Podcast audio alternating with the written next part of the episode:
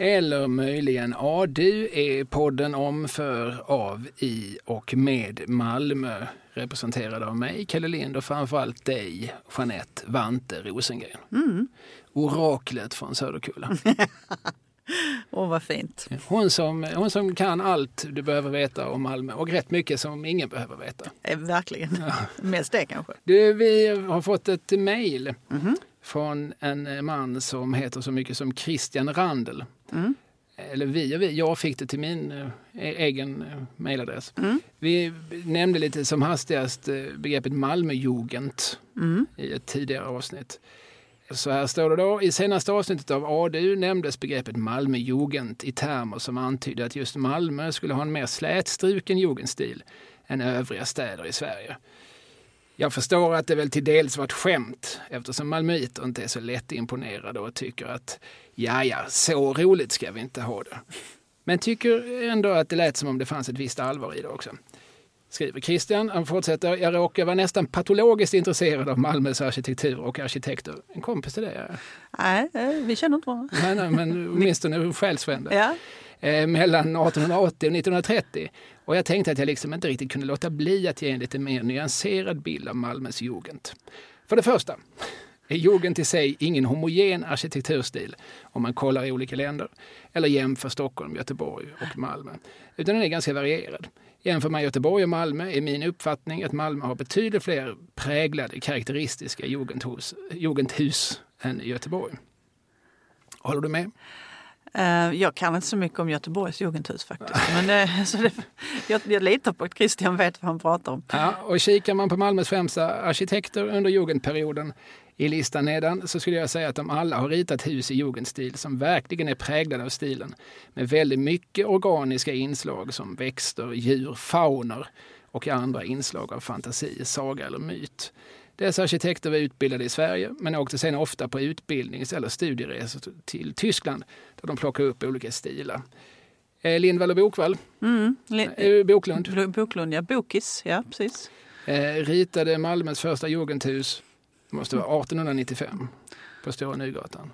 Ja, de har ju, ja, de har ju gjort rätt mycket. De gjorde Teschka palatset också till exempel. Alltså apoteket Lejonet på Stortorget. Och, eh, Boklund gjorde Pildammsvattentornet. Och, ja. Mm. Ja, just det. Och, och Christian nämner då det så kallade Strykjärnshuset Mm. på Stora Nygatan Mm. 65. Mm. Numera rivet. Ja. Men vilket, var låg det? Ända uppe vid kanalen. Jag har gamla vykort jag kan visa dig. Ja, okej. Kanske inte hjälper lyssnaren men... eh, och sen eh, Nils Jönssons hus på Regementsgatan 8. inte. Mhm. Vet du var vi är? Ehm, ja, det var också mitt för kanalen där ehm, innan, um, innan Färsens väg. Va? Okej. Om jag inte är helt fel på Ja, det låter rimligt. Alltså där Göran Persson bodde Ja, ungefär. precis. Kvarteret Tigern tror jag det är. Ja, då, då har du säkert rätt. Eh, Axel Anderberg Ja, har bland annat ritat ett helt galet jugendhus mittemot Handelsbankens hus på Stortorget. mm. det är storstadshörnet där. Det är det. Där ligger något som heter Bo, Bolia i um, Mm. bottenvåningen. Hörnhuset där. Ja, det var även där eh, Greg Dinsian Precis. prövade att öppna en vegetarisk snabbmatskedja. Meaning Green. Just det. Ja. Men det var där nere på hörnet där sen Spegeln och Max ligger när man fortsätter mot Lilla torget. Precis. Och äldre, en generation till kallar det för Olssons hörna fortfarande. Olssons hörna, det var där Åke Arenhill Mm. jobbade som dekoratör och kanske rent av som chef. Ja, Det är så jag känner det. ja, ja precis. För att jag, jag kan ju min Arenhill. Ja. Eh, Arenhill Klart. ungdomar. Han var en man som, en må- mångsysslande man som, eh, gjorde, som målade och skrev och eh, framträdde i tv och eh, eh, bland annat gjorde julkalender 1980 eh, som hette Jul på Möllegården. Mm. Där de bland annat visade en slakt. Det så det kommer jag inte ihåg. Ja, ja. Jo, nej, det, så var det. Jag tittat på det i efterhand. Ja. Man ser inte själva knivens intrång i grisen men man ser när den, när den borstas inför och eh, när den sen hänger flådd. Mm. Och dessutom så spelas eh, eller han som spelar eh, slaktaren är, det, är dessutom full. Eller han är, han är ju inte full, han spelar full. Mm. Mm. Alltså, han gör en stor grej av att han hela tiden ska ta en snaps mellan varven. Mhm. Så kunde julkalendrar se ut Ja, 1980. Det är socialrealism får man ju säga faktiskt. Ja. Eh, detta gjorde Åke Arenhild bland mycket annat. Han var också en tv-pionjär. Mm. Tillsammans med Per Olin och Jan Hemmel gjorde han tv redan eh, i slutet av 50-talet Mm. från Malmö. Mm. Dog för bara några år sedan, Mm. 100 år fyllda tror jag. Ja, visst han blev jättegammal. Ja. Mm. Bodde i Ribbershus Mm. och hade också en ateljé uppe i en av Just det. eh, ett av penthousen högst uppe på där utsikten måste ha varit fantastisk. Jag för mig han var granne med Torbjörn Flyck där. Alltså de hade ateljéerna jämte varandra. Jag har läst det någonstans. Ja, det låter högst rimligt. Mm. Vi får fråga Torbjörn på Twitter, Mm. om inte annat. Eh, jag räknar vidare upp arkitekter. Oskar Hägg har vi också. Ja, såklart. Han har Eh, gjort massor. delar av Odd Fellow-palatset. Mm. Vid eh, Gustav Adolfs torg, hörna Engelbrektsgatan där. Men han var, jag måste bara säga, flika in här. Jag tror inte vi nämnde det förra gången vi pratade om Möllevången. Men Oskar Hägg bodde ju där och verkade. Eh, alltså Kristianstadsgatan, Parkgatan, där är ju en rondell. Den så kallade. Knarkrondellen, eller Bergsrondellen. Ja, precis. Det gav du till mig. Vad finkänslig du, är. Jag jag vill inte bara- smutsa ner munnen Nej, jag förstår det. Men i alla fall, eh, där är två hus där som är identiskt lika varandra. Och i det ena, det som är snyggast just nu för att det är ganska nyligen renoverat, där de ritade Oskar Hägg och han bodde också i det huset fram till sin död 1959. Sen så har jag inte riktigt lyckats kopiera det här mejlet. Eve och Melin, står det så? Evo Melin, ja. Som ritade Wesselshuset. Just det. Som numera heter någonting annat. Sankt Jörgen. Mm. Precis. Ja, sen fortsätter Christian. Det är ett ganska långt mejl, kunde Mm. jag kanske sagt från början. Han skriver vidare. Anledningen till att viss jugend i Malmö likväl kan ses som avskalad bygger enligt min, alltså Christians, uppfattning på två saker. Ett, Hus ritade i andra delar av staden än de låga numren på Regementsgatan, Gamla Väster, Drottningtorget och så vidare, som ritades för arbetarklassen, var till dels mindre påkostade med lite mer sparsmakad fasaddekoration på grund av kostnadsskäl. Där nämnde du som hastigast när vi Mm. pratade om Möllan Precis. att det finns ansatser men är, vi ser inte lika mycket ornament Nej, runt Möllan precis. som vi gör i min del av stan. Just det. Alltså i gamla västerdelen. Eh, där finns det dock en hel del undantag, till exempel i Rörsjöstan. Mm. Och tittar man enkom på city finns det väldigt många exempel på oerhört smyckade och flippiga, för att uttrycka sig som Simon Gärdenfors, hus. Det var det ena skälet. Det andra är att det har under åren förekommit väldigt mycket så kallad fasadhyvling Mm. på hus från bland annat jugendepoken. Mm. Det är riktigt ju. Ja, varför gör man det? Ja, alltså det finns väl olika skäl till det, men vi kan säga att det finns några exempel på Stortorget med hus som är helt oigenkännliga. Alltså, Där du har jämfört med, med gamla Gam- bilder. då. Ja, det finns det, det Rothsteinska huset till exempel på den norra sidan och även på, eh, ja, precis bredvid Jörgen Kocks hus där du gifte dig. Just det. Mm. Där är också ett hus som har blivit väldigt förvanskat. Christian skriver eh, renoveringsarbeten där fastighetsägaren inte tyckte att det varit ekonomiskt försvarbart att renovera och bevara alla gamla vackra fasadsmyckningar utan där man bara plockat bort allt. Det gäller även andra sorters hyvling som till exempel vad som tydligen kallas för halshuggning av takpartier på vackra jugendhus Mm.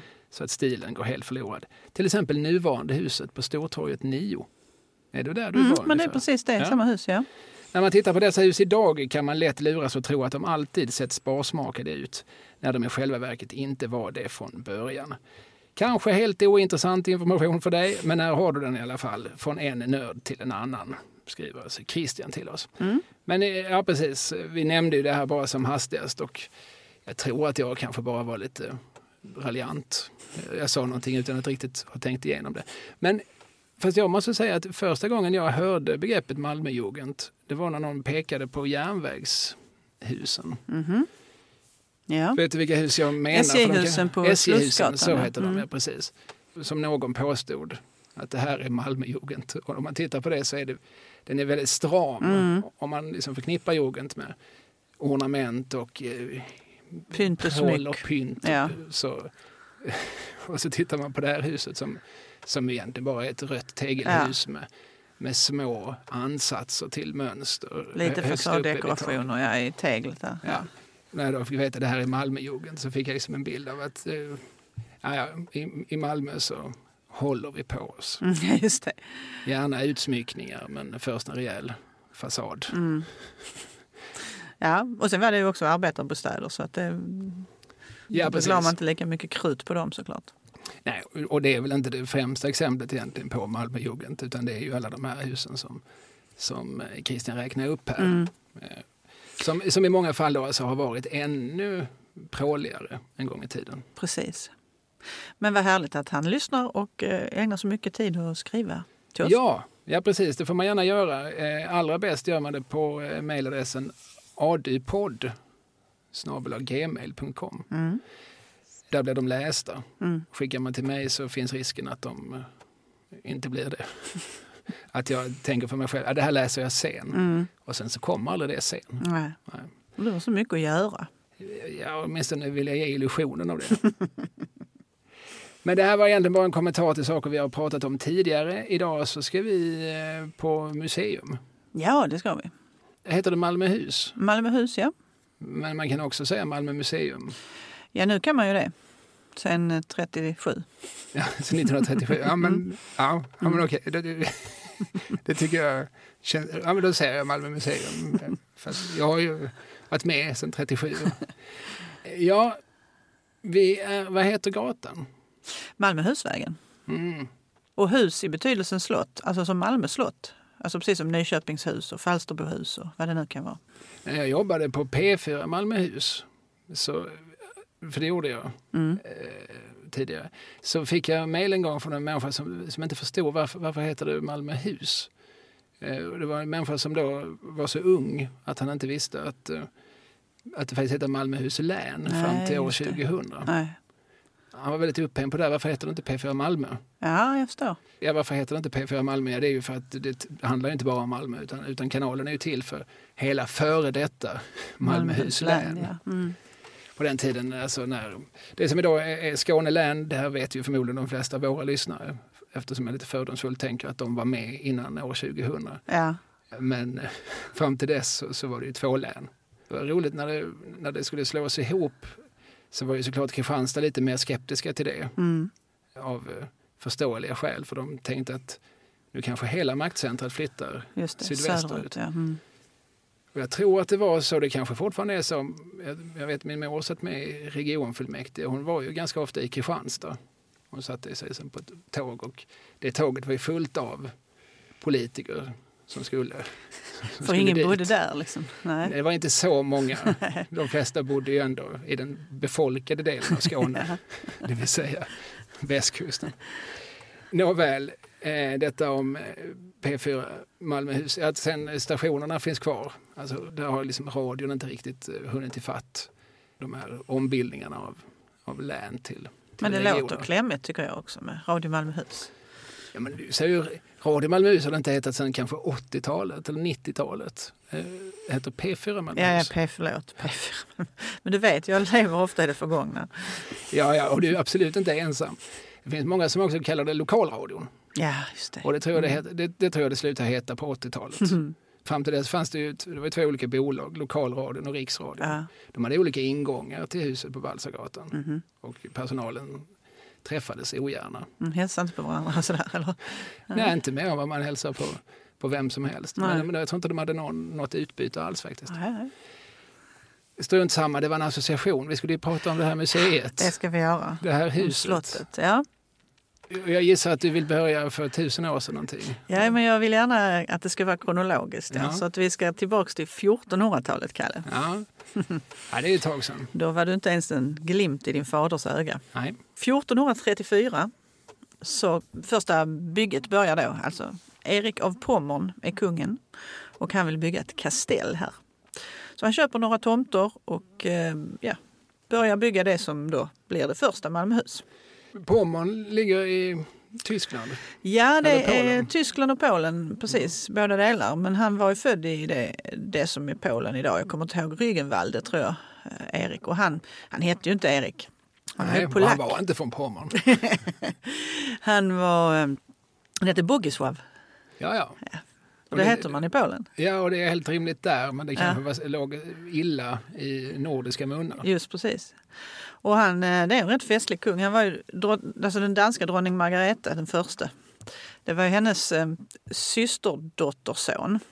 Hon hade ju en son som, som skulle ärva då, men eh, han dog i pesten på just Falsterbohus faktiskt. Som ung, han var väl bara 18, 17, 18 år någonting. Och då har hon inga arvingar, så vad göra? När man har en hel Kalmar Union att förvalta. Ja, ja. ja. Binder och done that. Vad gör man? vad gör man? Ja, man letar i sitt släktträd. Vem, vilken lämplig herre kan möjligen tänkas kunna ta över? Och då hittar hon ju Bogiswov. Så hon adopterar honom. Och han får då bli regent efter henne. Eller egentligen samtidigt, men... Och det är ett ganska stort mm. rike han mm. styr över. Mm. Som sträcker sig över delar av det som idag är Polen och Tyskland.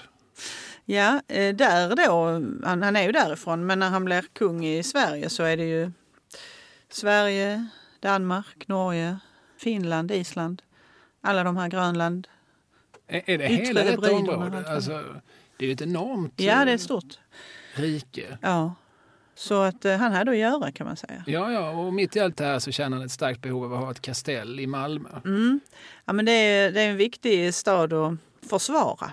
Det är ju han också som inför Öresundstullen. För han, han är ju, bygger på fler ställen, bland annat eh, det som är Kronborgs slott där i Helsingör. Fast det hette på hans tid hette det... Elsinore? Um, nej. nej, det hette... Nu tappar jag det bara för det, men uh, ja. Att, att jag säger Elsinore är ju för att det är Örekrog, så... tror jag. Ja, ja just det, ja. det känner jag igen.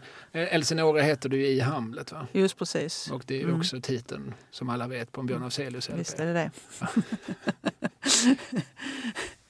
Eh. Och Elsinore hör man att det är samma ord som Helsingör. Va? Ja, det är klart man gör. Ja. Men om man inte har den sortens språköra så gjorde jag det lilla extra förtydligandet. Till alla som inte är lingvister. Men för visst, i Shakespeares eh, drama mm. så visst heter slottet Elsinore? Där. Ja, det utspelar sig där på ja. Kronborgs slott. Ja. There is something rotten in the state of Denmark. Jo, jo, men där han bygger och har sig där. Och det är ju för att den här lilla flaskhalsen, alltså Öresund, där kommer ju en massa skepp och där kan man ju ta upp tull. Så tjänar man lite pengar på det. Men lägger han då alltså skepp som, som sträcker sig från eh, Danmarks nordspets och in till vad blir det, Bohuslän? Och som, som hindrar folk att komma in? Eller, som, eller hur? Ja, men man har en tull där då. Man har en tull framförallt eh, ja, på båda ställena. Både, vad blir det då? Norr och söderifrån i Öresund. Liksom. Så. Men, men jag tänker riket han härskar över. Mm. Det omfattar ju då dagens Skåne, dagens Danmark, mm. men också dagens Sverige. Mm. Så att, eh, jag tänker, är inte allt där hans rike? Men, det, men Tyskland är inte hans rike nej, och England är inte hans rike. Nej, och Hansan är ju de han vill tjäna pengar på så att säga. Som är, visst, det kommer ju skepp från alla möjliga ställen och så har man ju förköpsrätt här då så att om man får säger, skepparen säger ja, ja, jag har varor för den här summan. Ja, bra, säger vi då som står där, då köper vi det här. Och nej, tänker skepparen, för han har ju bara ljugit och egentligen har han värdet är mycket mer. Så kunde det vara ibland. Mm. Så då tjänade dansken pengar på detta.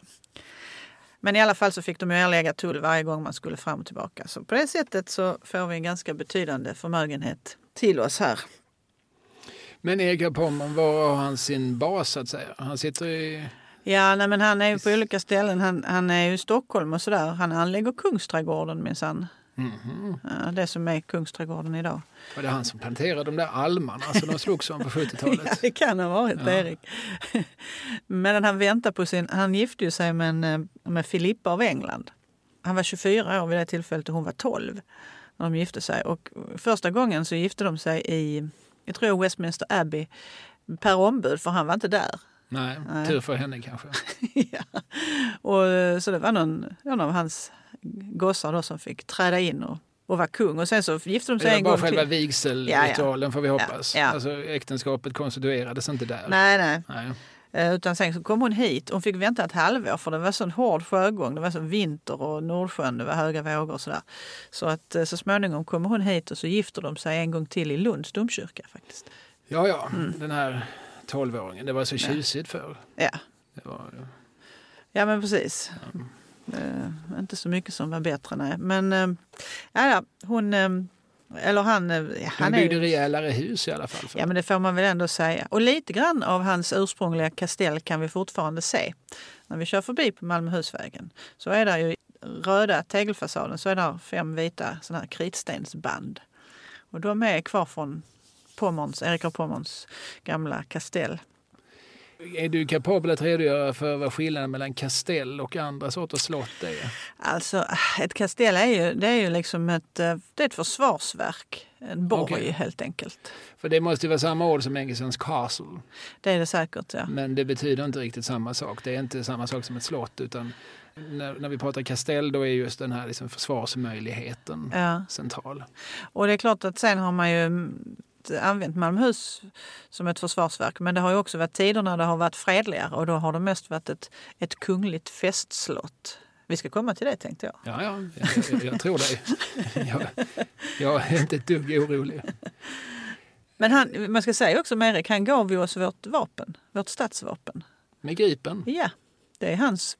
Han hade det i sitt pommerska vapen. Så rev han huvudet av den här gripen och krönte det som en gyllene krona. Så det bevisade ju att staden hade kungligt beskydd. Så fick vi den och har fortfarande det i alla våra officiella sammanhang. Ja, tack för det, Erik. Det får man väl säga.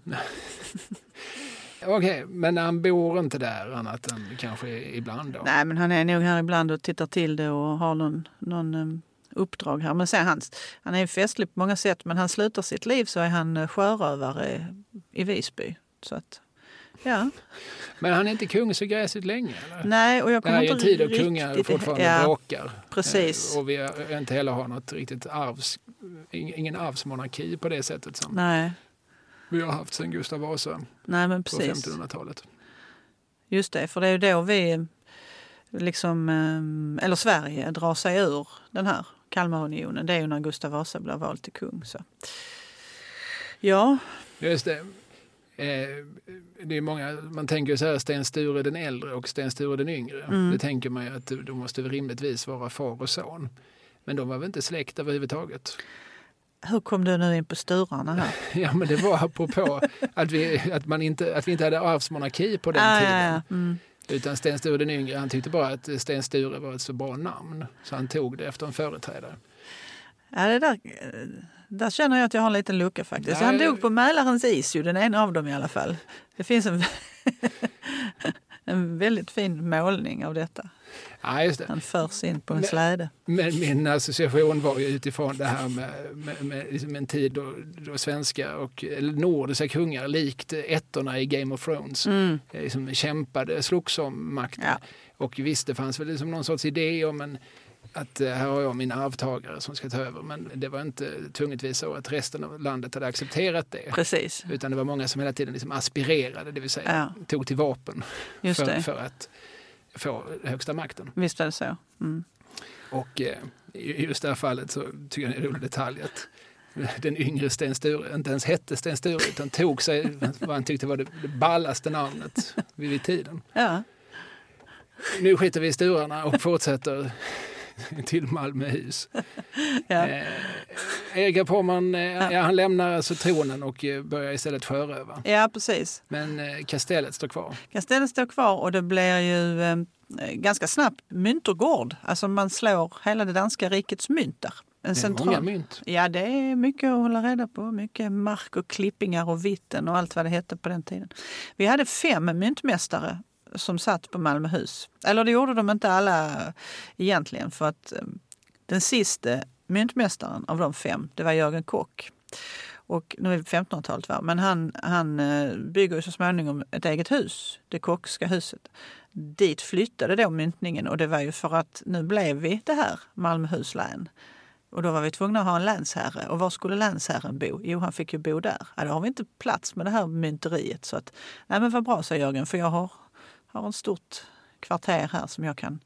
Ja, och så slår man mynten där istället. Men det är ju ändå hundra år man slår mynt där. Ja, och vad händer då med Malmöhus när, när Kock har flyttat bort till Stortorget? Ja, nej, men då är det ju fortsätter det. Alltså 1500-talet är ju ett jätteintressant århundrade för, för slottet för att eh, det byggs på, alltså det här har ju förändrats över tid, utseendet såklart. Man har restaurerat och gjort, gjort det större och eh, rivit något och byggt till något och sådär. Och sen så, man ska säga också att det är en stor arbetsplats faktiskt därför att det är ju ändå någonstans bland mm, runt 100 anställda när vi har den här myntsmedjan där.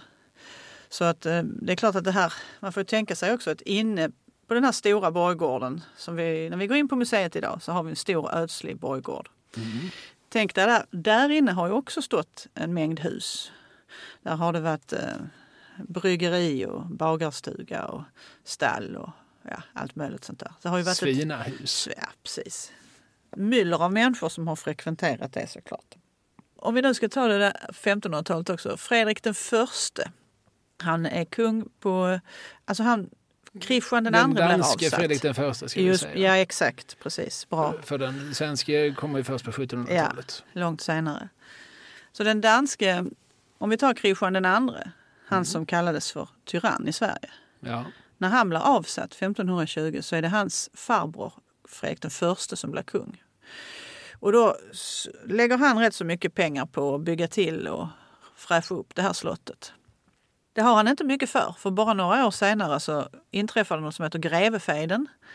Och rätt så kort så kan man säga att det var en hel mängd eh, viktiga människor i samhället som stöttade den avsatte kung Kristian den andre och ville ha tillbaks honom. Och det hela slutade med att man nästan rev ner hela Malmöhus igen. Och Jörgen Kock var en av dem som var, bidrog väldigt livligt till detta. Och det är klart att, och så var han myntmästare. Så när man slår ner den här grevefejden så tycker man ju inte att nej, kanske inte man kan lita på honom riktigt. Han fick tillbaka vissa sina privilegier. Han var ju också borgmästare och rådman och så. Och det fick han bli. Men eh, myntmästare det fick han inte bli igen. Nej, det känns inte som att det drabbar någon fattig riktigt, men, men visst. Nej. Det är klart att myntmästare var kanske den viktigaste titeln, för då hade man eh, daglig tillgång till alla pengar. Ja, och någon sort, det hette visst slagskatt har jag för mig. Alltså man fick någon sorts provision på hur mycket mynt man gjorde. Bara det är ju en morot kan man säga. Absolut.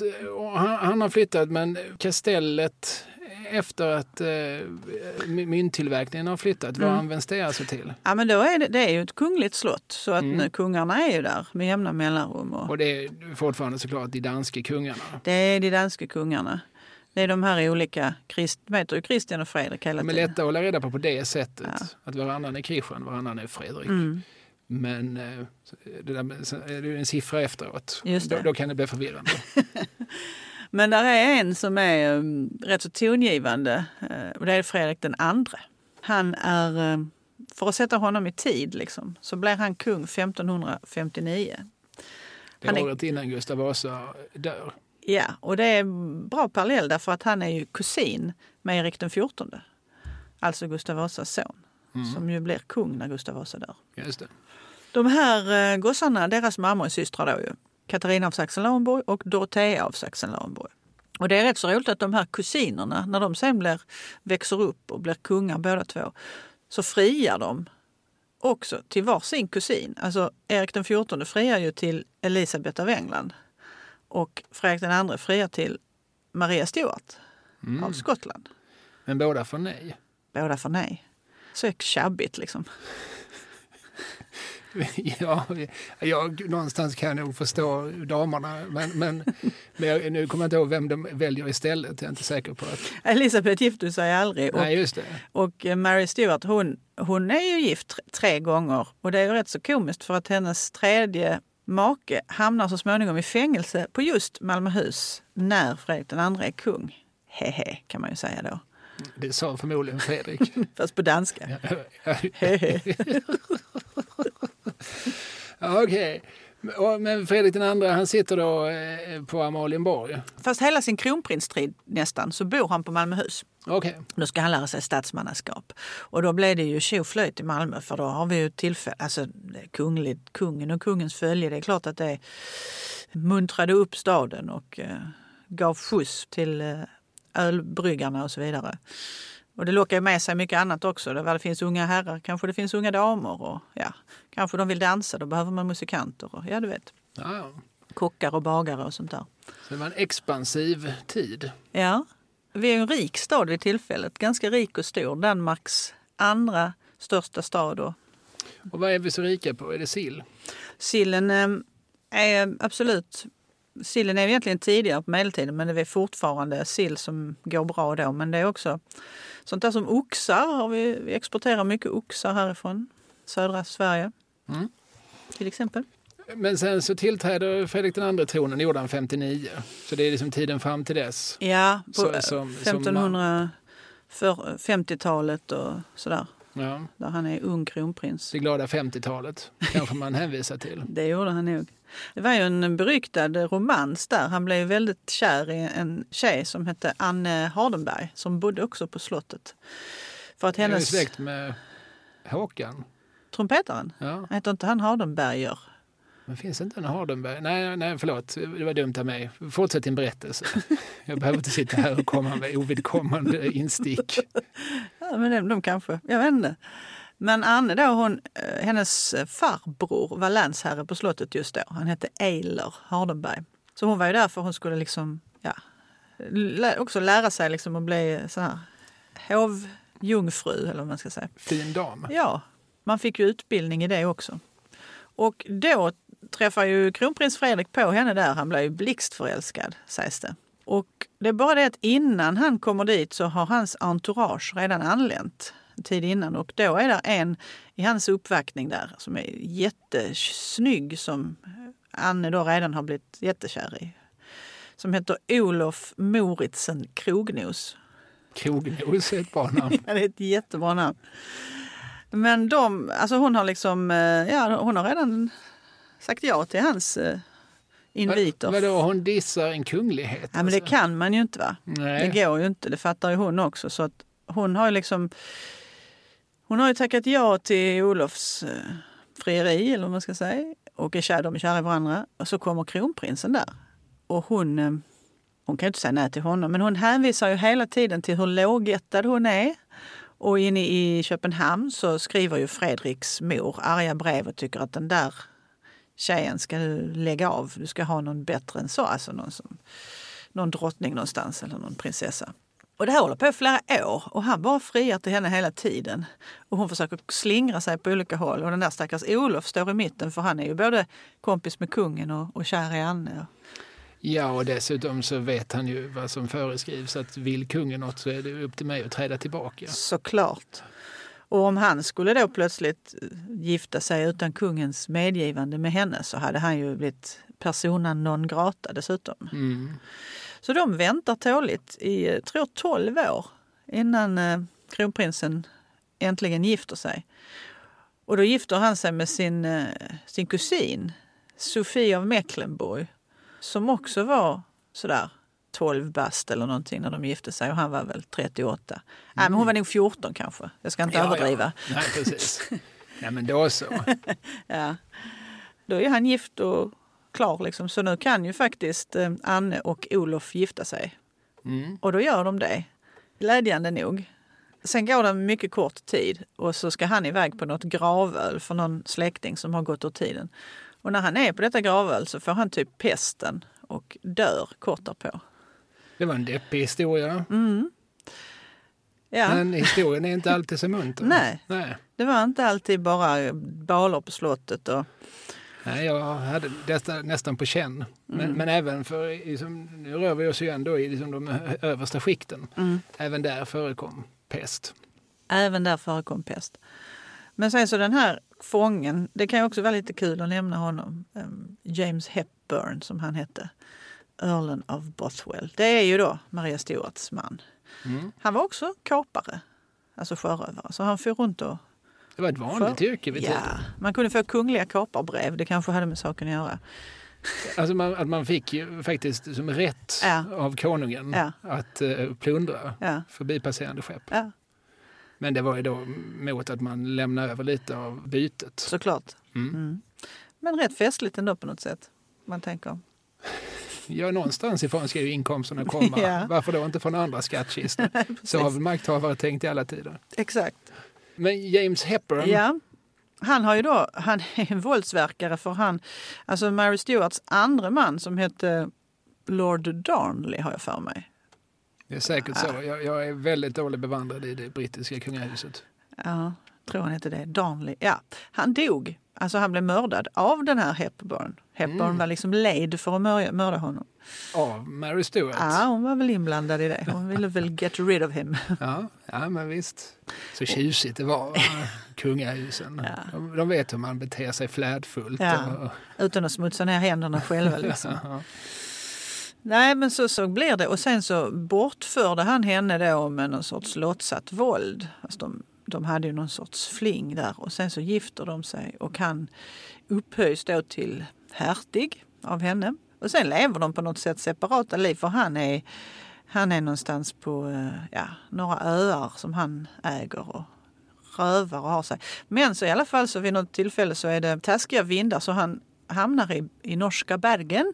Mm. Bergen, Norge är ju danskt. Va? Mm. Och där, han är ju efterlyst och sådär. Så han eh, blev liksom på något sätt igenkänd och tillfångatagen där i Bergen. Och sänd till Malmöhus. Fanns det inga fängelser i Bergen? Nej, i Norge va? Nej, jag, jag tar, Grini är den där, men då pratar vi andra världskriget. Ja. Men jag vet ju att det har funnits fängelser i Norge. Jag vet inte varför danske kungen ville ha honom eh, i Malmö. Det var klart nära till Köpenhamn. Det var då honom under uppsikt. Och han var ju en viktig politisk fånge framför allt. Så att han hamnar ju inte i någon sån här eh, fängelsehåla med kanonkula om foten utan han får ju liksom en våning kan man säga. Några rum i alla fall och god mat och varmt och gott och sådär. Det är som när Billy Butt satt på Malmökakan. Hade han en bättre cell än de andra Han då? hade två. Va? Han hade en som han bodde i och en som han hade som kontor. Är det sant? Mm, det är faktiskt sant. Eller åtminstone vad som sades till mig när jag jobbade. Han, eh, då var det inte så trångbott som det, som det lär vara nu kanske. Eh, nej, uppenbarligen inte. Det fanns en cell över i alla fall till, Ja. till Billy. Han, han satt väl på den här avdelningen som man kan be att få flytta till där man inte behöver ha med andra fångar att göra. Ja, okej. Eh, gissar jag. Jag kommer inte ihåg vad den hette. A5 kanske. Ja, ja. Nåväl, det fanns en särskild paragraf. I, alltså, sitter du på, på kåken så har du rätt att inte beblanda dig. Paragraf 7, är det inte de? Det skulle det kunna vara. Ja. Någon siffra i alla fall. Mm. Så varför inte sjuan? Eh, det finns ju de som har anledning att inte ha samröre. Som inte vill träffa eh, kriminella kollegor. och så. Nej, just det. Just det. Och som kanske inte ser sig som en del av den kriminella gemenskapen. Nej. Nåväl, det var också en association. Ja, men en intressant sådan. Jag tänker det är ju ingen hemlighet att Billy Butt eh, dömdes till fängelse. Nej, nej. Det, det var hans, han var ju vår första profil. Nu har vi en kulturprofil. Ja. Men f- förr så, på Billy Butts tid hade vi också nöjesprofilen. Ja, Just det. Nåväl, Mm. eh, nu, nu är jag ju på 1900-talet här. Vi, Mm. vi får raskt ta oss tillbaka. Till 1500-talets eh, glädje och gamman. Mm. När eh, James Hepburn sitter på fängslad på Malmöhus. Ja. Ehm, Men släpps han någonsin eller dör han där? Nej, han, släpp, han eh, släpps inte men han får, det var så här att han var ju då, eh, de ville ju ha honom och byta honom mot någonting. Han var ju viktig politiskt men när tiden gick så blev han inte så viktig längre. Alltså de sk- skottarna var fullständigt ointresserade av honom och, eh, till slut då. Så att det var ingen, ja, man hade inget att byta med och då skickar man honom till, ja vad Man hette måste vara det? lite deppig för Hepburn. Så Ja. är det ingen som vill ha mig? Nej, Nej. Nej, så han blev helt eh, nergraderad kan man väl säga då till ett sämre fängelse på Själland någonstans som heter Dragsholms slott har jag för mig. Där fick han verkligen sitta i, i hårt fängelse och så slutade han, han dog där Ja. så småningom. Ja, Det var också en sorglig historia. ja det- Kommer du bjuda på några som helst solskenshistorier idag? jag vet inte. Nej. Men det är roligt för att när man då satte honom på Malmöhus så, så han som var eh, basen för Basset på den tiden hette Björn Kas. Han fick ett brev, han var väl länsherre där. Han fick ett brev om att nu är den här viktig fången, nu måste ni mura igen preveterna, toaletten alltså. Men annars kunde han ju fly därigenom. Jag förstår. Ja. Men vad hände då med Han fick, väl ha, fekalierna? ja, men han fick väl ha någon sorts inomhusbytta han fick göra det i. Men annars var det ju som små, som små svalbon som var på utsidan av slottet då. Eh, var är vi i tiden? Ja, detta är i mitten på 1500-talet. 1568 till 1573. Han sitter här faktiskt fem år, den här gossen. Och kastellet. Mm. Nu fortsätter vi. Nu Ja. släpper vi vår skotte Ja. och går vidare. Ja, det här, men det är ju som sagt det är ett kungligt slott och eh, sen att inte kungen bor här hela tiden eller så, men han är ju här en hel del. Man representerar ju ändå här ibland. Vet du där med, med just begreppet slott? Alltså finns, alltså är inte kungligt slott, är inte det ett eh, oxymoron? Alltså alla slott är väl kungliga? Ja, det, är, det kanske är så. Ja, någonstans, det här eh, kommer, kan någon gärna få upplysa mig mm. om, men, men jag har fått för mig att för att en byggnad ska få kallas mm. slott så ska det ha någon form av kungligt beskydd. Ja, så är det säkert. Eller om en kung ska ha övernattat där eller åtminstone mm. hälsat på av pigorna där. För att det ska liksom vara slott och inte en herrgård eller ett säteri eller ett gods. Eller just det, just det. Det, det, har du helt säkert alldeles rätt i. Mm. Men å andra sidan, kungliga slott kan ju också vara de slott som kung kungen nyttjar. Mm. Alltså i Sverige är det till exempel vad heter det, Drottningholm, det är ett kungligt slott, mm. Haga slott eller mm. Tullgarn och så här, som, ja. som, som, ingår i hovstallarna. Det, ju, det. det måste ju vara ännu mer kungligt än de som Trollebonde eller Vettje eller så sitter i. Precis, och framförallt att kungen har låtit bygga det här en gång i tiden. Det. det. är ju ändå eh, en signal till att här kommer han ändå finnas då och då. Just det, mm. såklart. Mm. Då har vi rätt ut detta. Mm. Den här frågan som jag lite, väckte lite grann i onödan. Och kungarna är ju alltjämt danska kungar såklart. Mm. Ja men så är det. Det är danska kungar hela vägen fram. Alltså de här ja, det är olika. De bygger på och bygger till som sagt och efter Fredrik den så blev det ju Kristian den fjärde. Han var ju kung i jättemånga år. Han byggde ju otroligt mycket. Bland annat Kristianstad? Ja, mm. precis. Det är en sån där, ett kuriosum vi kan släppa lite. Det är ju den enda stad i Sverige som är uppkallat efter en människa som inte är svensk. Är det så? Nej, så är det väl inte. Eh, men det sägs så ibland. Mm -hmm. Eller åtminstone av en kung som inte är svensk. Mm -hmm.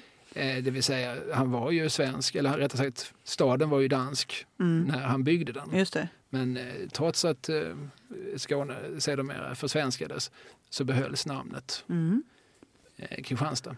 Och uttalas ju fortfarande på någon sorts danska. Man säger ju inte Kristianstad. Nej, det gör man inte. Jag bor då på Kristianstadsgatan. Ja. Och många gånger när man ska... Ja, man sitter i telefon med olika människor. Det kan vara försäkringsbolaget som ringer eller så. Och då så ska de läsa upp, så ska de liksom kontra så här. Jaha, Jeanette Rosengren, och du bor på Kristianstadsgatan, säger de ofta. Ja. Varpå jag måste säga Kristianstadsgatan. Mm. Mm. Det måste du. Ja. Det är en plikt. Ja. Det är ditt kall i livet. Men Kristian den fjärde, han, han är ju så... Han fick ju sitt öga eh, bortsprängt vid någon strid i Kögebukt någon gång. Jag kommer inte ihåg när det var, men eh, ja, fick något splitter som tog hans öga helt enkelt. Och så lät han ju operera ut det här splittret då. Och sen gjorde han ett väldigt vackert smycke, ett örhänge till sin hustru som hon skulle bära. Av splittret? Av splittret som hade tagit kungens ena öga. Ja. ja. Och det hänger fortfarande på Rosenborgs slott så man kan beskåda det. Um, han byggde till uh, alltså den här längan där den idag ligger restaurang Vega till exempel. Mm. Då vet du var jag är. Ja, jag vet ju. Där har jag mm. varit och firat Johnny Bode-sällskapets eh, årsmöte. det är klart du har. Ja, ett glatt gäng. Betalar ni notan? Eh, jag är rädd att vi gjorde det, ja. tyvärr. Men, Vanhedra hans minne. men jag kan ju säga det att eh, styrelsen kom i limousin eh, och gjorde en stor sak av att vi har förskingrat eh, medlemspengarna. Vi, vi stod och väntade på dem på andra sidan Vallgravsbryggan. Så stannar en limousin och utträder ett antal ganska beskänkta halvgamla män och ropar till oss att nu har vi gjort av med alla medlemspengarna. och liksom pekar väldigt glatt uppspelt ja. på eh, den här alldeles för dyra limousinen som kanske hade kört om några kvarter bara för sakens skull. Ja, men det är ju helt i hans anda. Ja, ja, så är det ju. Ja. För folk som inte, är helt, som inte är helt med på vad vi pratar om här nu så var ju Johnny Bode då en, en musikant och spelevink eh, som idag hade haft många diagnoser stämplade i pannan som verkade från 1912 till 1982 som bodde de sista 15 åren i Malmö mm. på Fågelbacksgatan. Mm. Eh, och eh, som var känd bland annat för att han, att han aldrig betalade en nota.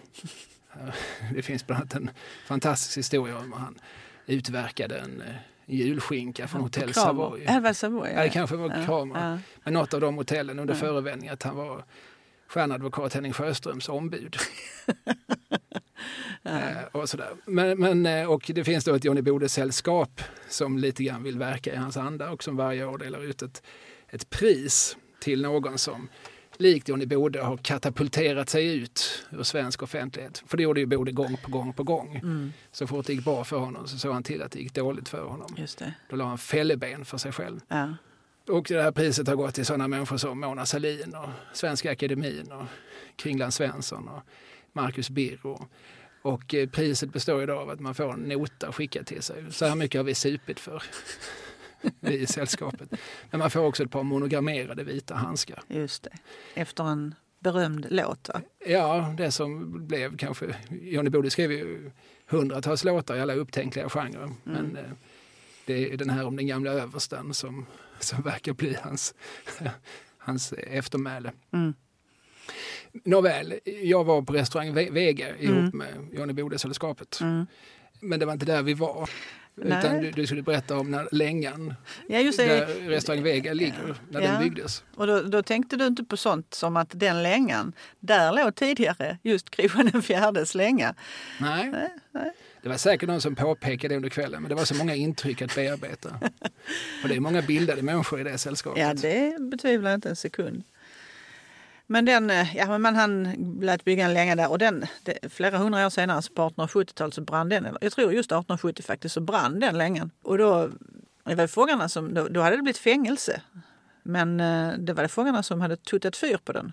Och det brann eh, rikligt, så att säga. Stora flammor slog upp och eh, man eh, skyndade runt för att försöka hitta vatten och kunna släcka elden. Och så, och så står det då om det här att de andra fångarna de var ju ombedda att hjälpa till att släcka elden men de la ju sig bara på vallarna och tuggade på eh, såna här grässtrå och flinade för de tyckte det bara var gött att fängelset brann ner. Liksom. Ja, det är svårt att hota dem med något. Ja. Om ni inte hjälper till så, så, så, så hamnar ni i fängelse.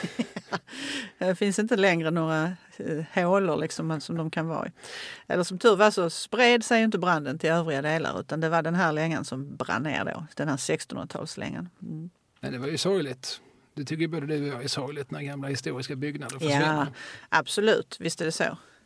Men eh, ja, nu står där en 30-talsvariant istället på samma plats. 1930-tals. 1930-tal, tack för att mm. du är mm. tydlig. För det är så många hundra år sedan. Ja, vi rör oss ja, mellan seklerna ja, här. Får man verkligen säga. Ja. ja, men sen blir det ju svensktider. Sen kommer ju Fedekal. Ja, ja. 130 kilo ilsket fläsk som vi gillar att citera. Ja. 1658 eh, efter att vi förlorar i Roskilde. Det lät som en fotbollsmatch nu hörde jag själv att jag sa. Jag gillar också att det ja. var så självklart för dig vilka som var vi. Ja, just det. Vi förlorar ja. mot Fedekal. Nu var jag dansk. Ja. ja. Jo, men då, då är det han som ska komma och ta sitt nya slott i besittning. Så att han um, dyker upp där faktiskt då den Ja, han kommer till Malmö den 9 mars 1658 och inspekterar. Och sen så är det då svenskt och då ska man ju börja Oj, oj, oj, nu är det inget kungligt festslott längre på samma sätt utan nu måste vi ju bygga på och förstärka det ännu mer för nu ska vi försvara oss mot, jag menar danskarna, de kommer ju inte att ge upp, tänker, tänker väl Karl. Ja, och där får vi nog ge Karl X Gustav rätt. Mm. Alltså för att det var ju inte så att eh, konflikten var slut inte på långt när, nej. nej. Men man bygger på då de här bastionerna. Det finns ju fyra bastioner som byggs ut så att det blir liksom ett stort försvarsverk runt om som tar stor plats i anspråk. Och då, då bor man bor där men eh, det finns ingen slottsherre nu utan det här är som en försvarsanläggning. Jo, men det, ja, precis. Men det finns, jag vet inte hur länge länsherren bor där faktiskt. Ehm, och när det sen blir, jag menar det, det är inte förrän det är inte för på 1800-talet som det heter kommendanthuset. Alltså det, som, det byggs ju 1794 det som är kommendanthuset. Men det är ju ett tyghus som ligger, från början. Som ligger mitt emot eh, själva Malmöhus. Precis. Och, där finns en liten restaurang och där finns ja. också lite museal verksamhet. Ja, jämte parkeringsplatsen där. Mm. Tyghus, det var ju att man hade eh, ammunition och vapen och så. Det är tyg som i sak. Precis.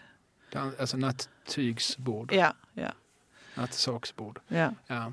Um, ja, nu vet jag inte riktigt om jag svarar på din fråga. Men, eh, men där, jag skulle säga det också att då på 1650-talets slut så är det ju många som...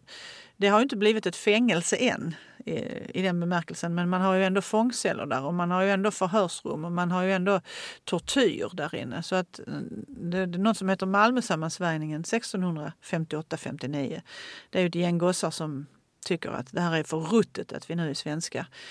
Och det handlar inte om att de var överdrivet nationalistiska på något sätt utan det var bara det att alla deras privilegier hade ju blivit indragna i och med den nya svenska överhögheten. Så det eh, var en snubbe där som hette Bartolomeus Mikkelsen som var ledare för det här gänget. De blev ju påkomna och fasttagna och de sätts ju i celler där inne och blir torterade, en hel del av dem, för, för att de ska erkänna det här.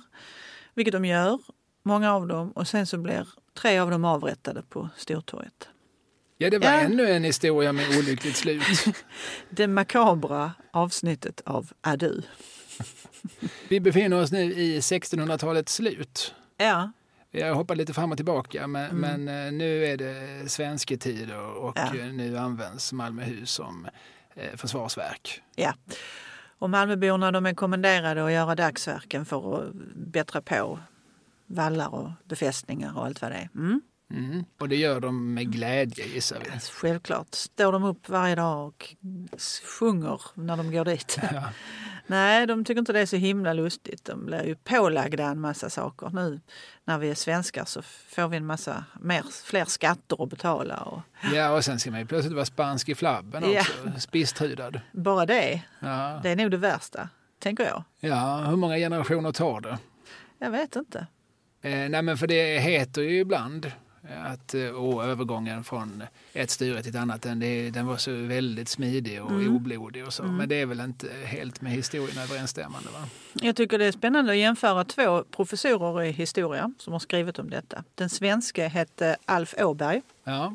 Som har skrivit mycket om Skånes, liksom, eh, ja, när Skåne blev svenskt. Han tycker det gick ganska smidigt och enkelt och bra och raskt och sådär. Sen läser man den danske historieprofessorn Knud Fabricius. Mm. Skånes årgång från Danmark till Sverige. Ja, något sånt där. Och då berättar han att nej, så var det inte riktigt. Det tog lång tid och det var hårda pålagor och människorna blev väldigt trötta och arga och utslitna och fick ha en massa soldater boende hos sig och vad som nu hände. Liksom. Så att man har lite olika uppfattning om det tror jag på de båda sidorna. Det finns ju det här gamla uttrycket vinnaren skriver historien. Ja. ja. Lite så kan man nog säga att det har varit här också. Mm. Malmöhus hur ja. som helst. Ja. Det fortsätter ändå att fylla en funktion sen när vi går in på 1700-talet och så. Det... Men det har förfallit ganska mycket då. Redan i slutet på 1600-talet så har man kikat på det och tittat, ja, då är det mest ett upplag för, ja det är klart det bor ju människor där också och jobbar. Det är fortfarande en liten stad i staden men det är inte alls den här kungliga glansen utan nu är det mer ett upplag för krut och för vapen och ammunition och sådär. Så man har spannmål i hela den gamla fina, eh, vad heter det, kungsvåningen där va? Ja. Mm. Riddarsalen tänkte jag på. Ja, nej, så, så det, det är ju inte så tjusigt. Nej, så hade det inte sett ut några generationer tidigare. Nej. Nej. Så det förfaller mer och mer och på 1700-talet fortsätter det här förfallet. Och, eh, eh, sen så kan man, liksom 1700-talet kan man ganska snabbt hoppa över. För att i början på 1800-talet så döms det ut som militär fästning. I början på 1800-talet då. Och vad gör man då? Ja, då blir det ett fängelse istället. Ja, det här huset som är undermålet till allting annat. Ja. Kan vi åtminstone slänga in våra fångar där? Såklart. Mm. Så 1828 så blir det Malmö korrektionella arbetshus. Ja, ja, men det är ett arbetshus. Fångarna utför alltså dagsverken, eller mm. vad heter det, arbete. Absolut, och en del av dem utanför murarna ju. Alltså att de hjälper till med att, att gräva ut det som är dagens pildammar till exempel och ja, andra sysslor. Och det är väl mest de fångarna man kan lita på. Mm. Framförallt de som är sådär oförbätterliga, de får ut, utföra arbeten inne i fängelset istället. Och man har till och med ett litet hus utanför eh, vallgraven där, där en liten bod där man säljer saker som man har tillverkat. Nästan faktiskt som man gör nu. För det finns ju fortfarande fångar som gör saker, smycken och vad det nu kan vara. Så säljer man det till vem som helst. Ja, ja. Så att det, det hela ska gå med vinst. Ja, just det.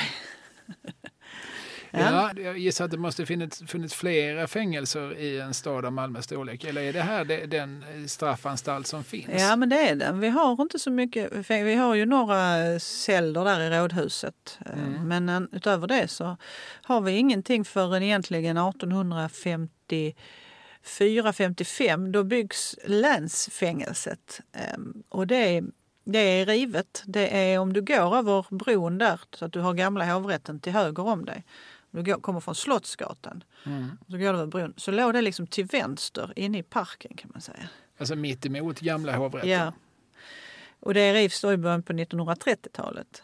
Men, ehm, så det står ju bara på plats i sisådär 80 år någonting. Men det är ju ett modernt fängelse när det kommer då. Där är 102 ljusa och fem mörka celler i det fängelset. Mörka celler, det vi idag kallar isoleringsceller. Mm. Ja.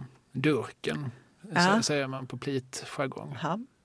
Eller på gammal tjuvjargong också. Ja. Men hur många celler finns det inne på Malmöhus? Vet du det? Ja, alltså, då är det ju ett sånt här gemensamhetsfängelse. Så där sover man ofta i stora logement. Mm. Så att, och där är ungefär tusen fångar när det är som flest. Och dessa bevakas då av ett hundratal Eh, oftast gamla pensionerade knäktar. Kanske har lite reumatist eller som ja, Peps hade sjungit. Rygg, rygmatism. ja, just det.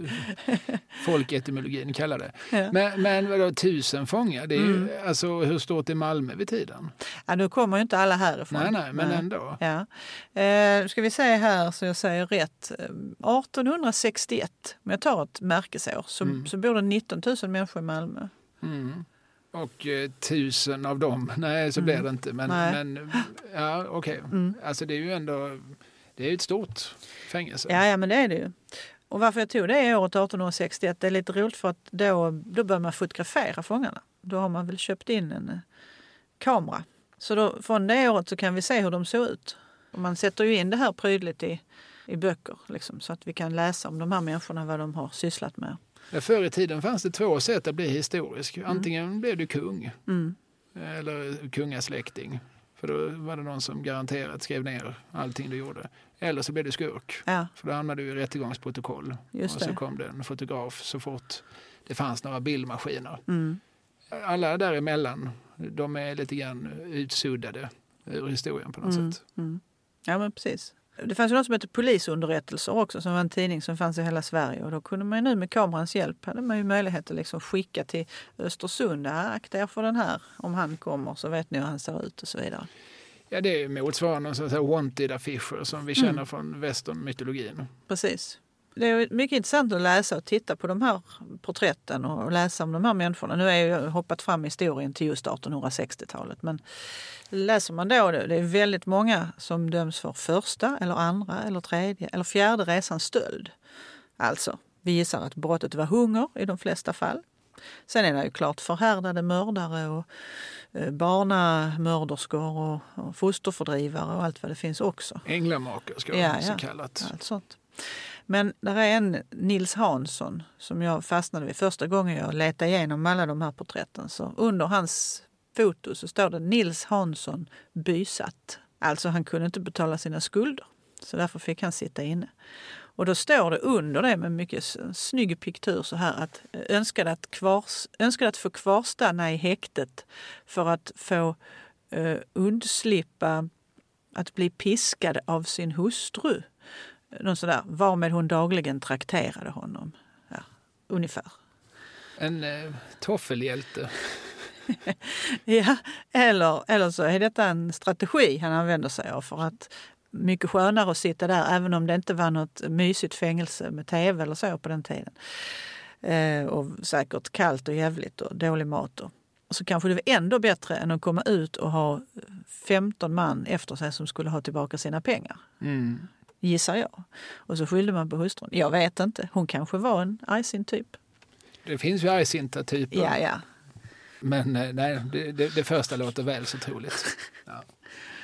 Men nu är det ett fängelse. Nu är det ett fängelse, absolut. Eh, och då gör man ju om lite grann också. Så nu den här gamla riddarsalen där man har haft spannmål nu ett tag. Då plötsligt ska det bli en, bli en slottskyrka. För att eh, du måste ju också kunna fånga, eller ej, så måste man ju gå i kyrkan på söndagen. Mm. Så det måste man göra även om man sitter inne. Och de, de som var allra grövsta fångarna, de, de fick ju inte sitta med de andra utan de fick sitta i speciella avbalkningar. Och så fick de ha en eh, huva över, alltså över huvudet så att de varken kunde liksom se andra eller andra kunde se dem.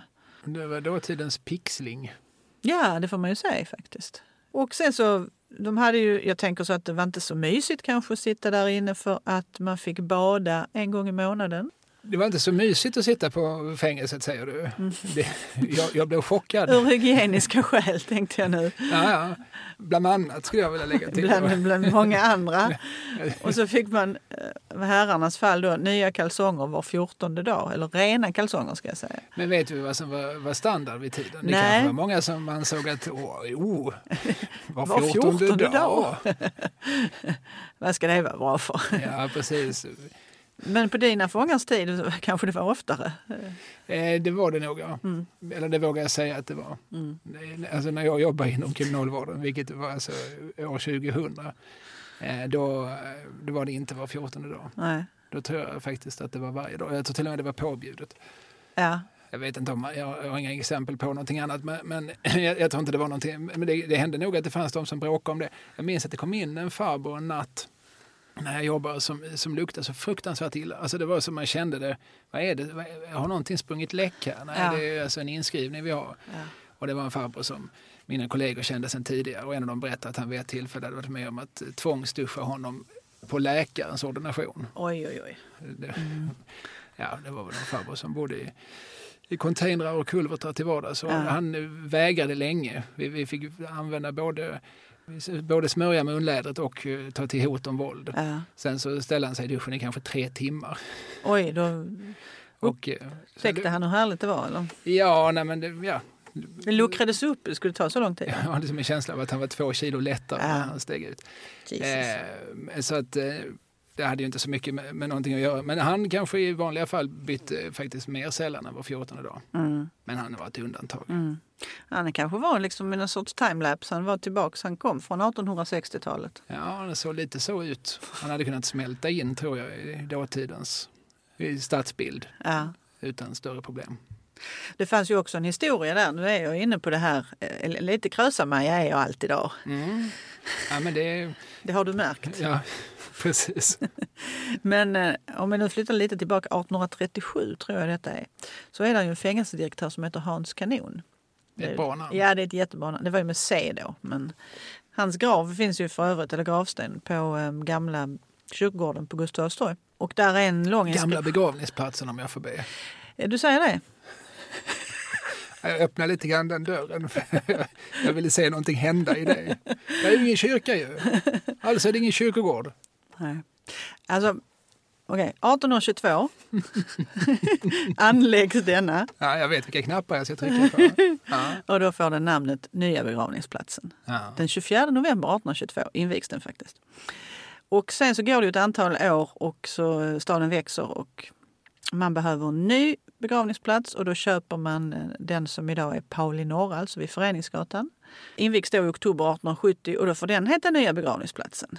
Och då får den på Gustav heta Gamla begravningsplatsen. Detta är ju logiskt. Mm. Jag är med så här långt. Har vi pratat om detta innan? Jag eller? tror inte det. Nej, vad bra. För då, så att jag inte är tjatig. Jaha, sen går det 20 år och då har ju Malmö stad fördubblat sitt invånarantal mellan 1870 och 1890. Så nu måste vi ha ytterligare en. Och då köper man det som idag är mellersta. Alltså det här är ju bara åkermark och betesmark tidigare då. På alltså vid Sankt Knuts väg där. Och då får ju den heta, vad tror du? Heter den inte Mellersta? Nej, den får heta Nya då. Nyaste Nej, begravningsplatsen. heter den det på riktigt? Jajamän! och sen går det ytterligare några år, sen är det För 1904. då har vi nyaste, nya och gamla ja. samtidigt. Ja. Ja. Sen blev det 1904 och då, eh, då har man köpt den här marken som idag är Pauli södra. Alltså på andra sidan Nobelvägen. Vad fick den heta tro? Monsieur Lind? ja, vad blir det då? Nya, nyaste, Mm. allra nyaste? Allra nyaste begravningsplatsen. Ja, men hette det officiellt? You alltså? heard me. Det hade jag ingen aning om. Ja, det är helt riktigt. Det är sant faktiskt. Så vi har den gamla, vi har nya, nyaste, allra nyaste begravningsplatsen. Och sen är det dessutom en liten eh, del inne på mellersta som, där, som heter Annelund. Va? Där låg fortfarande en bondgård kvar på den här marken. Som också var, det blev ett barnhem sen där. Och när den så småningom säljs och man anlägger kyrkogård även där så får den heta Extra kyrkogården. Bara för att spesa till det ytterligare. Ja. Ja, men 1921 så inser man att det här går inte för ingen vet längre var släktingen i fråga ligger begravd. För man kan inte hålla reda på det. Så 1921, som för övrigt är samma år som man inviger Östra kyrkogården, då beslutar man sig för en namnreform. Så Paulikyrkogårdarna får heta Norra, Mellersta och Södra. Och den på Gustav Adolfs torg får heta Gamla kyrkogården. Hur ologiskt det än är. Och detta är hundra år sedan nästan. Men visst står det gamla begravningsplatsen när man kliver in på den? Absolut, det finns skylt. skyltar med både det ena och det andra. Ja. ja. Mm. Och Men, eh, eh, jag tror att det är någon granne jag har som är lite kyrklig. Mm. För henne är det viktigt att eh, Ja, det är ingen kyrkogård. Mm. Hon rättar mig varje gång som mm. jag berättar att jag ska gå till bibblan och passera gamla kyrkogården. Ja. Nej, men det, jag vet att det är många som eh, många har en liten hang-up på det där. Men, eh, men det är ju det fortfarande konstigt att de, att de döper den till gamla kyrkogården. För de borde ju ha sett att det inte är någon kyrka. ja, och så hängde det ju ihop med Sankt Petri. För att samtidigt så fanns det ju en kyrkogård runt Sankt Petri eh, kyrka. Ja, ja, ända fram till, riktigt finns. Där. Nej, den är ju liksom, det ser ju annorlunda ut idag. Men det var ju mur och allting runt ända fram till mitten på 1800-talet. Men man slutar ju att begrava där då och så börjar man ju. Så att det är ju liksom en sorts annex till den. Okay. Ja. Då fick vi detta utrett. Ja, det var bra. Varför började du prata om gamla begravningsplatsen? Jag vet inte riktigt. Jo, det var Hans Kanon. Det ja. var just det. Han den gamla Eller Hans fängelse. Cannon som jag tror att folk hade läst hans namn idag. Ja, det hade man säkert gjort. Um, han, um, han var ju fängelsechef där och han blev mördad på jobbet av två fångar. På, ute på Borggården helt enkelt. Så, två gräsliga fångar. De kom ju naturligt, det var ju naturligtvis inga Skånepågar. nej, nej. En var östgöte och en var stockholmare. Usch ja. Det förstår man ju. Mm.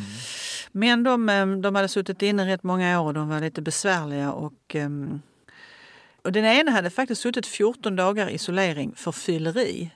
Så det är ingen eh, nyhet nu att man kan få in såväl vapen som sprit och droger på anstalter.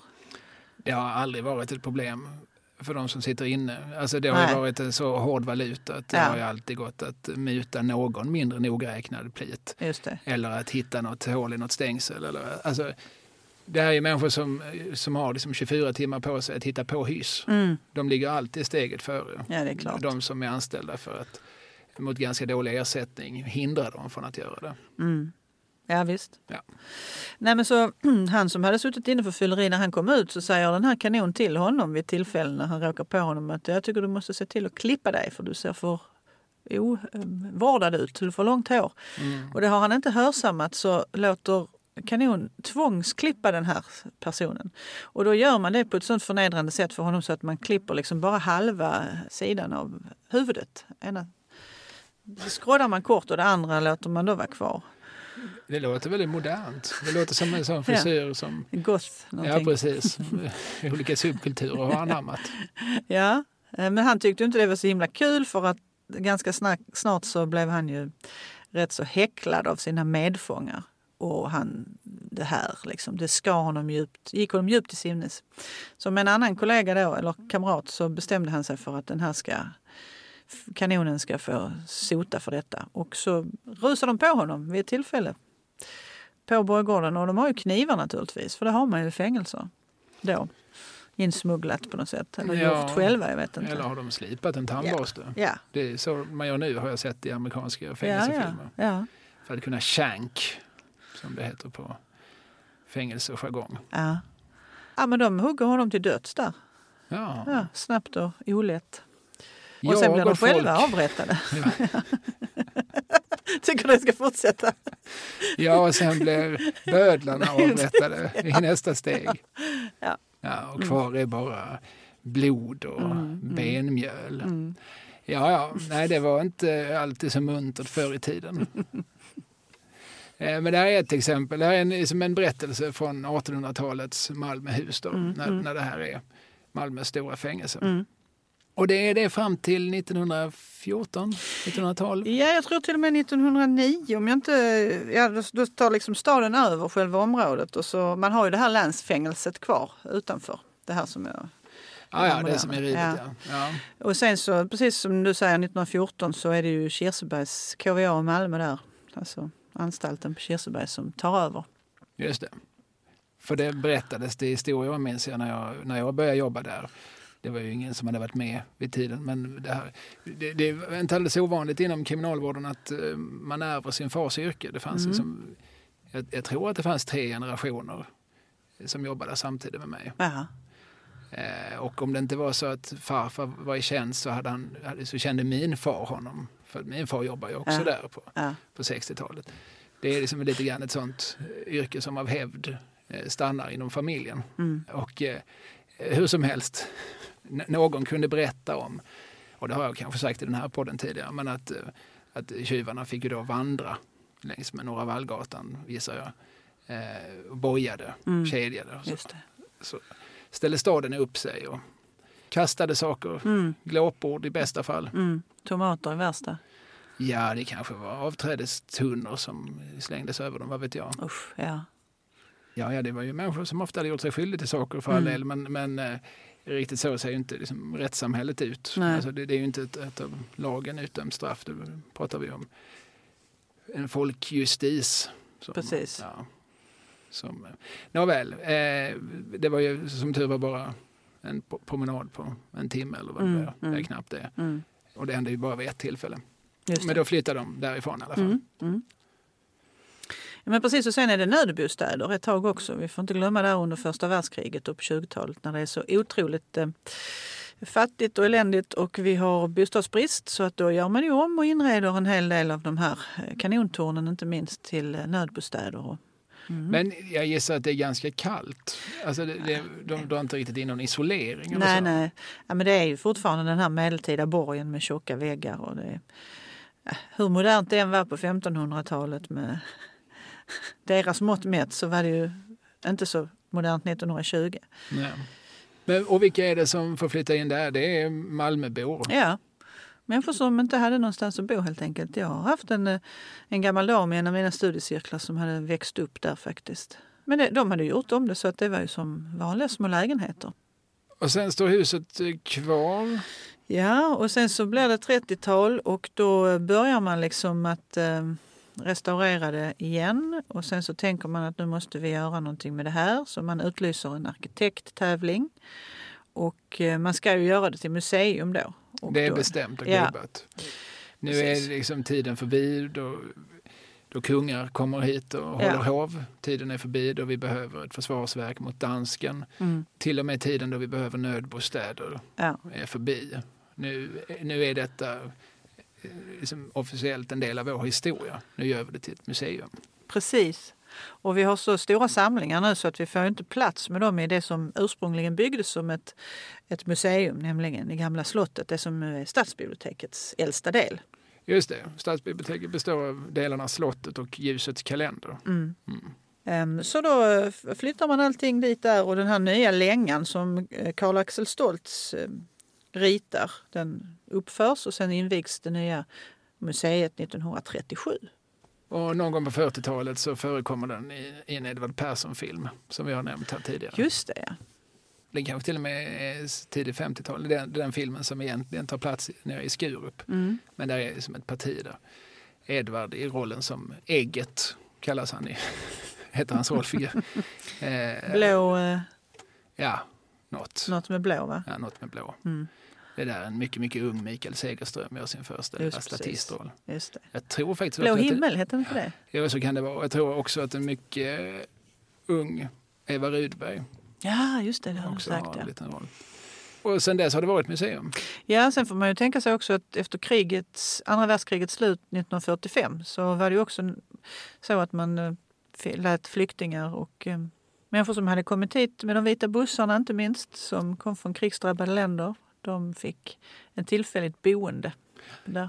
Och det står ju också en vit buss on display så att säga. Ja. Precis när du går över vallgraven så står den där på, på höger sida. Va? Ja, precis. Eh, Mm. Idag då som ett museiföremål. Ja. Men det är också inte bara en del av historien, inte bara en del av Malmös historia, det är också en del av Malmöhus historia. Ja. Så, så Visst är det så. är det alltså vita bussar som Magnus Gerten har gjort eh, film och bok om. Mm. Eh, och det var ju som en stor insats. Folke Bernadotte som var Så- inblandad. Ja, och han var Röda Korset chef. Och han var också, jag tror också han var högt uppsatt inom scoutrörelsen. Men det kanske inte var därför, eller kanske det var, man ska ju göra goda gärningar som scout. Mm. Men, men han, ja precis, Folke Bernadotte, han som sedermera blev mördad i Israel. Va? Mm. På Eh, något hotell där som jag har glömt vad det hette. Var det Ja. inte så? Ja, och det Mm. kanske var den här beryktade Sternligan som låg bakom. Mm. Men det ska jag låta vara osagt. Jag kanske sitter här och sprider antisemitiska konspirationsteorier. Det gör jag i så fall högst oavsiktligt. Eh, nej men, eh, ja, Vita bussarna. Det var Mm. liksom ett stort Mm. Heroiskt eh, projekt Mm. i andra världskrigets slut. Precis. Och många som blev räddade kom ju hit här då och fick... Ja, då plötsligt fick man i den här gamla riddarsalen som då hade varit allt möjligt, just riddarsal och vapenupplag och spannmålsupplag och det ena med det tredje. Fängelsekyrkan. Då fick de sova där Nu satte man upp tältsängar där. Ja. Och, eh, på enkla sätt, men ändå mycket bättre än vad de hade haft tidigare i alla fall. Så fick de försöka mm, friskna till där, för många var ju sjuka också när de kom. men då stängde man så att säga museet. Ja. Nu, nu får vi hålla det här. Ja. Nu lägger vi museiverksamheten på is. Just det. Mm. Men sen har det varit museum och det har Mm. vi nog pratat om tidigare. Att det är nu är det nästan också som ett museum över ett museum. Mm. Ja, det finns liksom delar som man, man kommer dit som vuxen så vänta, det har inte jag varit här innan? Just det, jag var ju här för gott och väl 40 år sedan. Och då såg det ju exakt likadant ut. Och det finns en oerhörd trygghet i det. Ja. Liksom hur generation efter generation, hur man liksom delar någon sorts, eh, någon sorts upplevelse. ja, men det finns ju den här naturhistoriska delen med alla djur då. Mm, med Och nu- näsapan. Ja, men näsapan till exempel och geparden och, och, som är, flyger i luften efter sitt byte och sådär. Men eh, nu så kikar jag lite i en bok inför det här pratet. Eh, det var Sydsvenska Dagbladets årsbok från 1960 där Sten Kalling har skrivit en, eh, lång drapa om just hur man renoverade slottet när det blev museum. Och då var det en bild va, så här på den här lilla rävfamiljen vid grytet. Vet du vilka jag menar då? Jag tror det, ja. små rävar som rävungar som leker och så står mamman och pappan där och tittar. Och det här, jag älskar ju den här rävfamiljen när jag var barn och så ser jag att på bilden står det så här 1902. Då är de skjutna va? Ja, de har varit med oss. Liksom åtskilliga nya Generationer. generationer av barn som har tittat på samma rävar Ja. Grupperade kring samma. Lya heter det också, sa jag gryt? lya. det ja. Många tror att det heter rävhål, men det gör det inte. Det är något annat. Ja, det är någonting helt annat. I den mån det finns. Ja, nej, Mm, men, eh, och eh, det, där finns den uppstoppade giraffen. Och, Ja, ja. för där finns saker som Mm. Alltid funnits där och alltid Mm. ska finnas där. Mm. Och har de ändrat någonting när man kommer dit så blir man arg. Mm. Ja, det, det- så här var det inte när jag var här sist. När var du här sist? Ja, det är 30 år sedan. Ja, precis. Va? Är inte älgen kvar i sin monter och sådär? Ja, man vill lite grann som, som museibesökare att det här ska vara eh, liksom nästan konserverat. Att, eh, att Ja. jag, jag, jag liksom tycker mig ha rätt till att, eh, att alltid få exakt samma upplevelse. Nya utställningar, va? Ja, precis. Det finns, jag har hört människor skeptiskt prata om, har de en ny utställning? Vad ska det vara bra för? Det räcker med den här gamla som man själv går på med 15 års mellanrum. Mm.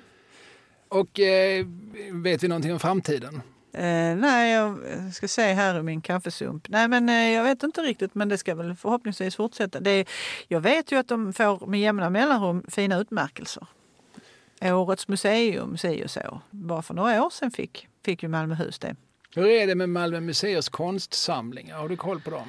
Det, för det finns ju, efter vad jag förstår så finns det ju stora samlingar som inte hänger så att allmänheten kan titta på dem. Nej, de finns väl på några depåer någonstans som jag inte vet. Ute i hamnen, Ja, bakom lås precis. och bom. Ja, och vi Mm. ska väl inte veta heller. Nej. För hade vi vetat skulle vi inte sagt det. För Nej. att vi ska inte plantera några, några idéer i våra lyssnare. Men, eh, men det är väl en sån där liksom återkommande, som var tredje år skriver Sydsvenskan en artikel om vad ska egentligen hända med all den här konsten. Mm. Är det inte dags att vi öppnar nya utställningsmöjligheter? Mm. Det diskuterar man ju med jämna mellanrum att det skulle, jag vet gamla Pildammsskolan ville man göra till något konstmuseum men sen så blev det ju en en ny skola där. Och, Det blir Rådmansvångens skola. precis. Där, där går ju Ja, min son. ja, och min brorsdotter. Ja. Ja, nej, så att eh, när vi får se. Det står fortfarande skrivet i stjärnorna Mm. vad som ska hända med de där samlingarna. Mm. 1900-talet, jag blev så paffad, det bara svepte förbi ganska fort. Men Ja. sen i princip sen efter andra världskriget så har det varit ett museum. Ja. Ja, och, sen så, och det vet inte vi riktigt årtalet på, men, men på 50-talet gissar vi, 60-talet så byggs ju på andra sidan byggs ju Tekniska och Ja. Sjöfartsmuseet. Precis. Och det blir som en liten museigata. Mm. Det Ja. hänger ihop allt det där. Mm. Och eh, kommendanthuset nämnde vi också, Mm. som, som ju också är en del av det här museiklustret. Just det.